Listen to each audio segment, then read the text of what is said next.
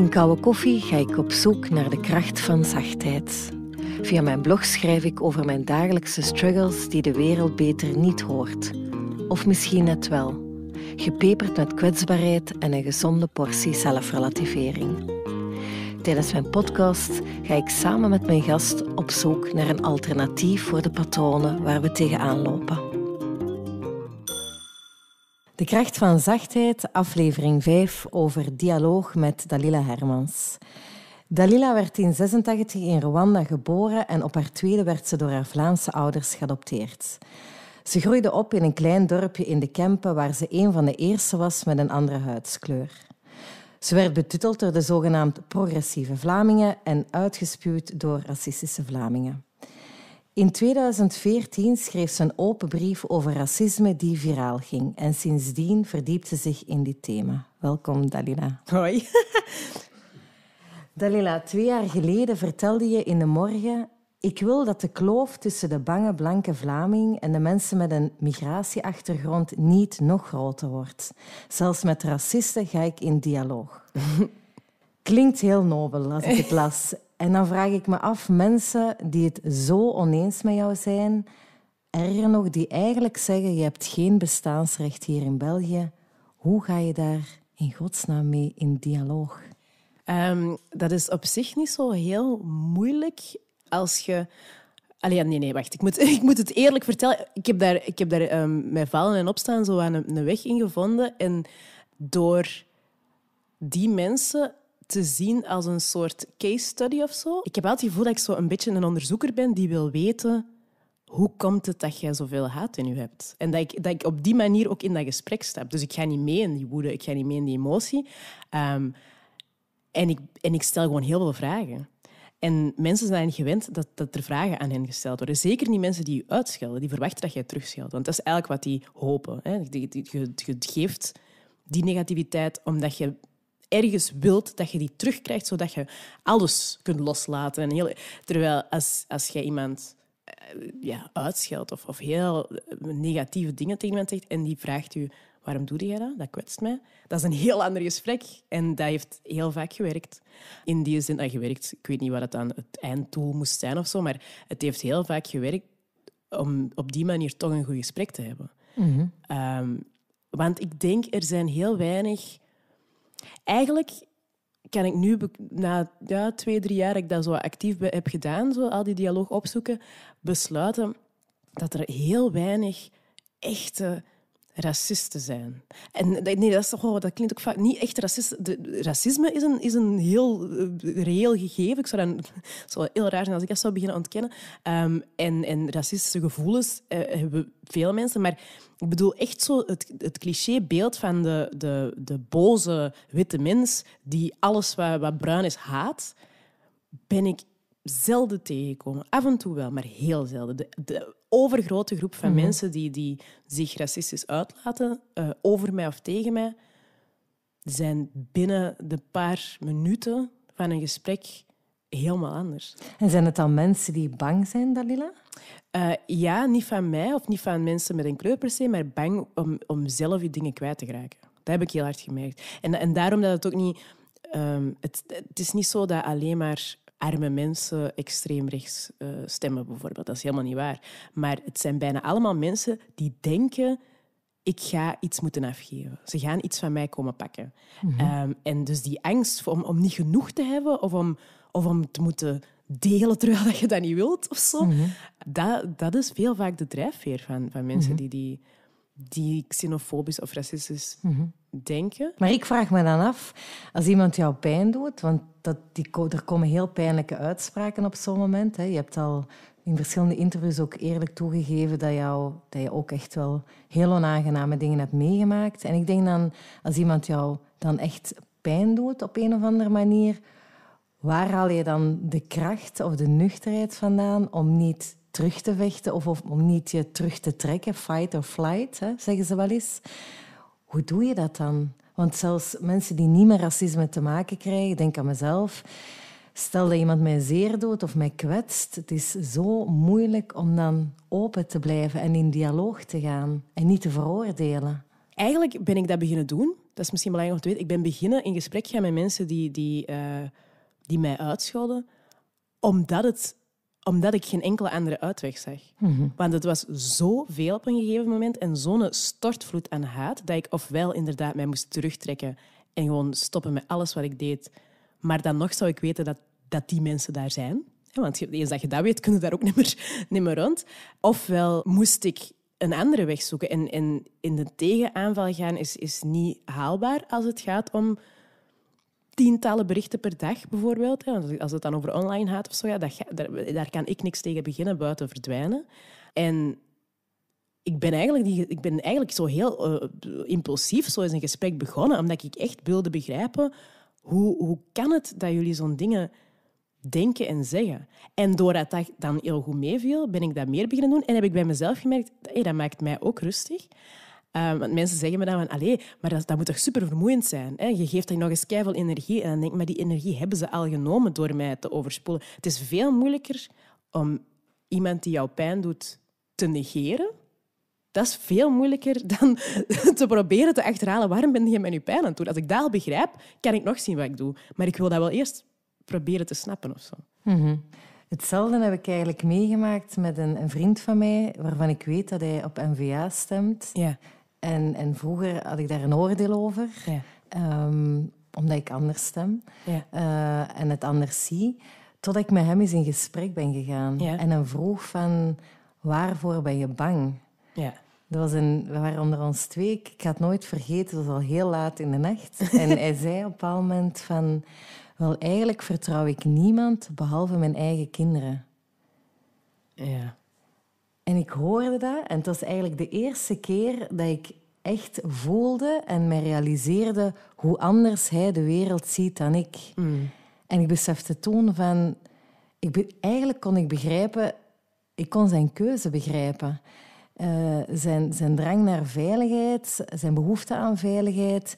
En het was toen dat ik doorhad van als wij niet, als wij willen elkaar wederzijds begrijpen, ook wij één op één, het eerste wat we gaan moeten doen is oprecht luisteren ja. en proberen te begrijpen hoe dat die ander de wereld ziet. En we hebben allemaal een andere bril op en die is Ja. bepaald door afkomst, cultuur, opvoeding, Ja. door weet ik veel, zoveel factoren. En als we gaan blijven staan roepen naar elkaar, ik zie het zo, Ja. die ander ziet dat letterlijk niet, want heeft gewoon, gewoon een andere bril op. Ja. Uh, dan gaan we nooit toenadering vinden tot elkaar. Dus vanaf toen was ik overtuigd van dialoog en, en echt kunnen luisteren naar elkaar gaat de eerste stap zijn naar terug verbinden met elkaar. Mm. Want heel ons gedrag, zelfs als het afschuwelijk gedrag is, zoiets als racisme, is gebouwd op veronderstellingen en waarden. En dat is net in een bril die zo anders is. Ja. En velen van ons denken, er is maar één bril, namelijk degene waar ik door kijk. Ja, En daar wel. begint het misschien wel mee. Ja, ja.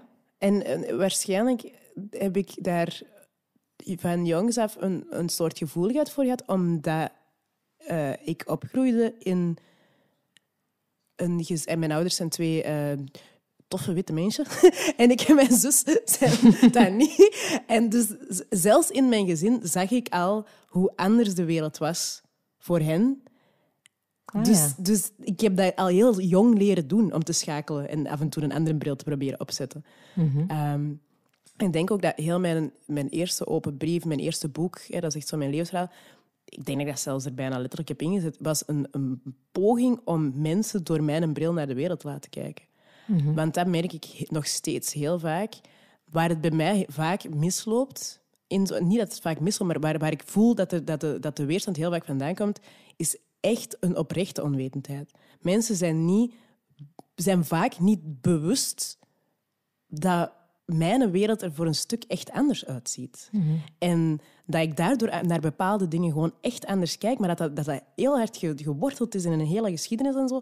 En in die, die momenten van dialoog die ik heb, die ik heel vaak heb, merkte ik wel, na de, na de zoveelste keer of zo, van het is ook wel een beetje vermoeiend aan het, aan het worden dat ik heel veel moeite doe om telkens jouw bril op te zetten, ook al heb je mij uitgescholden. Ook al, hè. Ik ga altijd proberen te kijken, oké, wat, wat maakt u zo bang? Wat, ik ga je zoveel vragen stellen dat ik op den duur wel begrijp wat je bedoelt, maar dat die beweging andersom heel weinig gebeurt. Is dat zo? Ja. Ja. Dus die openheid heeft is- niet openheid van de andere kant tot gevolg? Ehm, mm, zelden. En dat is, dat is het stukje waar, waarom, het, als het gaat over antiracisme of bijvoorbeeld feminisme of zo'n aantal, waarom dat, dat barricadewerk nog altijd zo belangrijk is. Ik hoor jou zeggen hardheid. Ik heb dezelfde Ja. eh, ervaring in verschillende sectoren. De wereld is enorm verhard. Ja.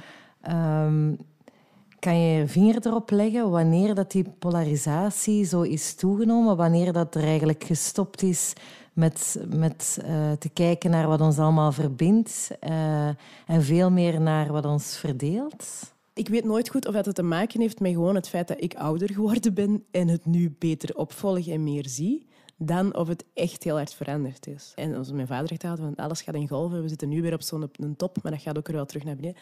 Ik denk wel dat ehm, het internettijdperk en, en smartphones ehm, echt wel hebben bijgedragen. Sociale media, het feit dat je, dat je zonder enige vorm van consequentie ten alle tijde je mening over alles kwijt kunt, is ja, dat, dat, dat maakt ook... Dat, dat creëert hardheid. Ja, ik hoor jou zeggen, dialoog is niet de enige manier om eruit te komen. Dat snap ik heel goed. Maar ik denk wel dat het een startpunt is. Want ja, het is een toren nog cliché, onbekend is onbemind. Maar ik denk dat het daar, dat je zegt, vaak wel mee start. Bij onwetendheid, elkaar letterlijk niet zien of niet willen zien, elkaar niet horen. Hoe kunnen elkaar dan in godsnaam begrijpen of ergens iets gemeenschappelijk vinden? En ik had er onlangs iets over gelezen.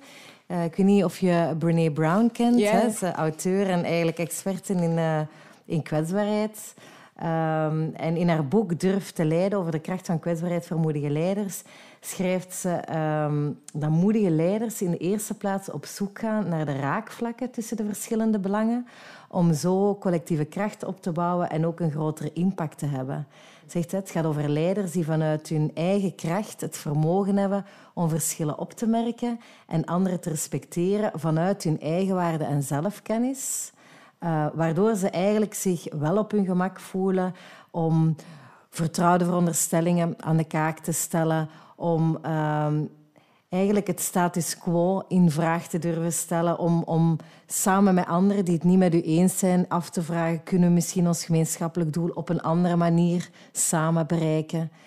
Zo verwoorden zij het concept moedige leiders. Ontbreekt het ons land aan moedige leiders? Absoluut. Absoluut.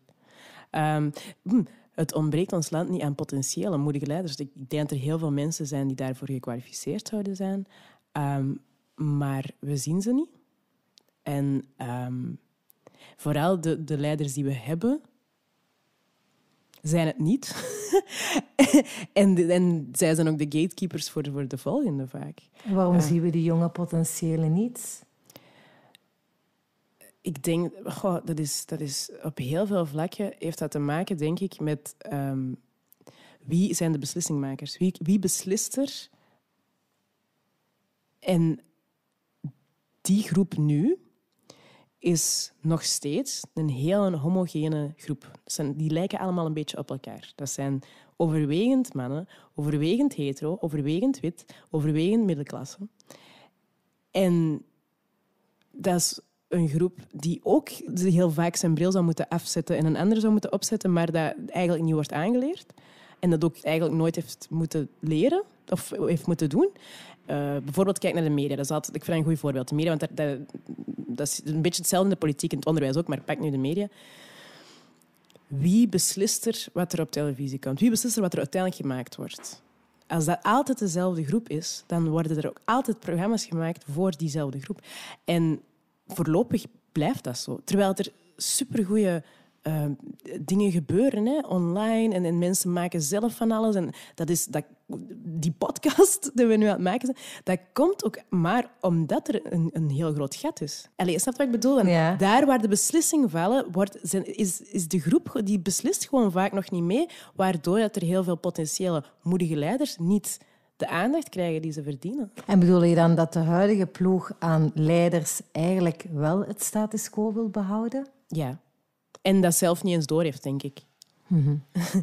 en eh, je ziet dat in de politiek ook. Hè, dan de, er, er wordt er is zoveel... eh, Ik, ik, heb, ik ken echt mensen, jonge mensen bij verschillende partijen. Want Mensen denken altijd dat ik zo aan mijn vrienden bij Groen zit. Dat is niet waar. Veel, maar ook bij SPA, VLD, CD&V. Ik heb echt, en, en daar zijn ook zoveel interessante kandidaten waarvan ik echt denk van wauw, je kunt echt... Allee, je, je hebt echt heel veel... Er zit heel veel in, in u of zo. Maar wie zijn uiteindelijk toch altijd de lijsttrekkers? Degene waarvan ze al, waarvan dat ze al uitgaan, die gaan veel stemmen halen. Maar daardoor verandert er ook niks. En daardoor krijg je ook geen nieuwe, frisse ideeën. En dus er moet, er moet iets bewegen op het level van de gatekeepers. Daar waar dat er beslissingen vallen. Het probleem is dat iedereen die, dat niet, die niet die beslissingmakers zijn, of heel veel mensen zien dat, maar mogen niet mee beslissen. Dus ja, dat is, dat is een heel vervelend... En die geven het op. Ja, ja. Mhm. Of, of, of kunnen het letterlijk niet volhouden, want ja, je hebt middelen nodig en tijd. En, en, Mhm. ehm, ik zeg het omdat, ik, omdat die moedige leider die jij omschrijft, Mhm. ik heb dat al super vaak rond mij gezien in mensen. Die, die, die vrijwilligerswerk doen. Die, die- eigenlijk, eigenlijk zijn er in Vlaanderen heel veel warme mensen die vanuit eigen initiatief fantastische dingen doen. Je ziet dat, je ziet dat constant eigenlijk. Al die, ik zeg het, al die nieuwe media die komt, maar ook tijdens zoiets als de warmste week. Ik vind dat een beetje, ik weet niet of ik dat zo'n fijn concept vind, maar zelfs ik ben wel meegeraakt door alles. En, en of als je gewoon, ik heb lang in, in het middenveld gewerkt in de jeugdsector, als ik zag wat dat daar van potentieel is en wat dat- maar die, die mensen worden niet gezien of die geraken nooit in die posities, want ja. En dat vind ik zo jammer. Tot slot, ik heb nog één vraagje voor jou. Ehm, wat betekent zachtheid voor jou, Dalila? Oeh. Ehm, zachtheid. Ik denk dat ik. ehm, ik zou niet kunnen functioneren in een wereld waar zachtheid niet rondom mij was of zo. Ik heb dat nodig. Ik, heb, ik ben zelf ook... Eigenlijk, eigenlijk ben ik heel...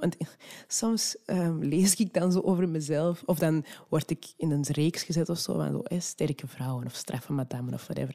En ik, vind, ik heb wel zoiets aan... Maar nee, nee, nee. Nee, ik ben eigenlijk juist een, een heel zacht eitje.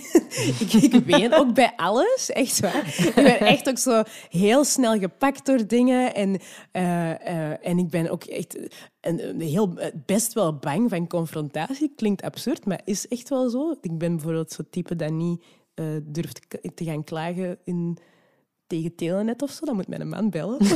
ik heb volgens mij te veel betaald en dan moet hij dat regelen, want dat durf ik allemaal niet. Dus ik ben eigenlijk ben ik super zacht. En het is juist vanuit dat, vanuit dat gegeven, het feit dat ik van mezelf weet, ik ben kei emotioneel en, en zacht. En dat geeft mij juist de drang om de wereld mooier te willen maken.